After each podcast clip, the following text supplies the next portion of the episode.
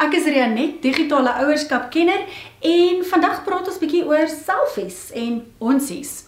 Wel in 2013 het die Oxford Dictionary die woord selfie gelys as woord van die jaar.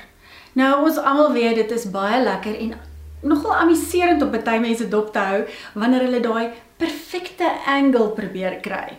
Persoonlik kry ek dit nie reg nie, my foto's lyk like altyd snaaks, maar dit was nou net nogal vir my opvallend toe ek by 'n geleentheid was. En dit was 'n spesiale geleentheid want jy moes genooi gewees het om daar te wees om na hierdie spreker te luister. En weet jy, dit was vir my opvallend en jammer om 'n jong man dop te hou, 'n millennial, wat die hele tyd gesit en speel het met sy selfoon om daai spesifieke Instagram selfie reg te kry. En ek het naderhand so gewens hy kry die regte filter en die regte foto sodat hy net kan luister. Want buiten dit dat hy uitgemis het op hierdie fantastiese spreker se inligting, het hy ook die mense rondom hom gepla. Daar is werklik waar niks fout met 'n mooi selfie nie, maar wanneer dit begin om jou lewe in gevaar te stel of om mense om jou in gevaar te stel, dan kan jy heel moontlik 'n likeaholic wees. Ja, mense kry likeaholics, mense wat enigiets sal doen om meer likes te kry. Daar is selfs mense wat so ver gaan dat hulle beseer word of baie keer doodgaan. Nou, hoekom is hierdie so belangrik en wat is die impak op jou kind? Eerste plek, ons moet besef dat hulle in 'n digitale wêreld ook lewe. Dit is hulle realiteit en hulle is besig om daar ook 'n indruk en 'n digitale voetspoor te vorm wat vir hulle baie belangrik is dan moet ons ook besef dat die hoeveelheid likes en vriende wat hulle aanlyn het, hulle selfbeeld beïnvloed.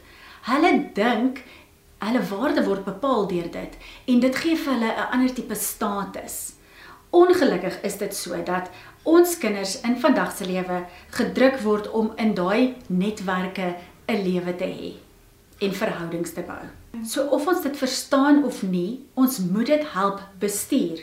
En daarom die gesprek hier rondom die feit dat jou waarde word nie bepaal deur dit wat gesê word aanlyn of deur hoeveel vriende jy het of hoeveel likes jy kry nie.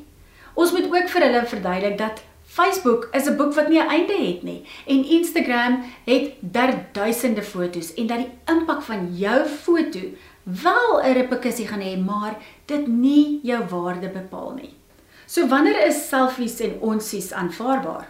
Wel, solank dit nie jou of iemand anders of selfs 'n dier se lewe in gevaar stel nie, as jy wettiglik toestemming het of 'n plek en 'n gebeurtenis mag afneem, dink aan byvoorbeeld foto's van ongelukke en natuurlik moet dit nie jou verantwoordelikhede beïnvloed nie.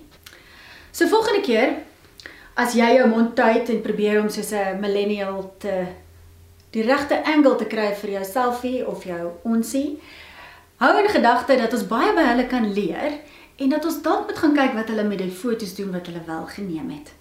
Reis veilig op die internet en onthou, daar is 'n safety net.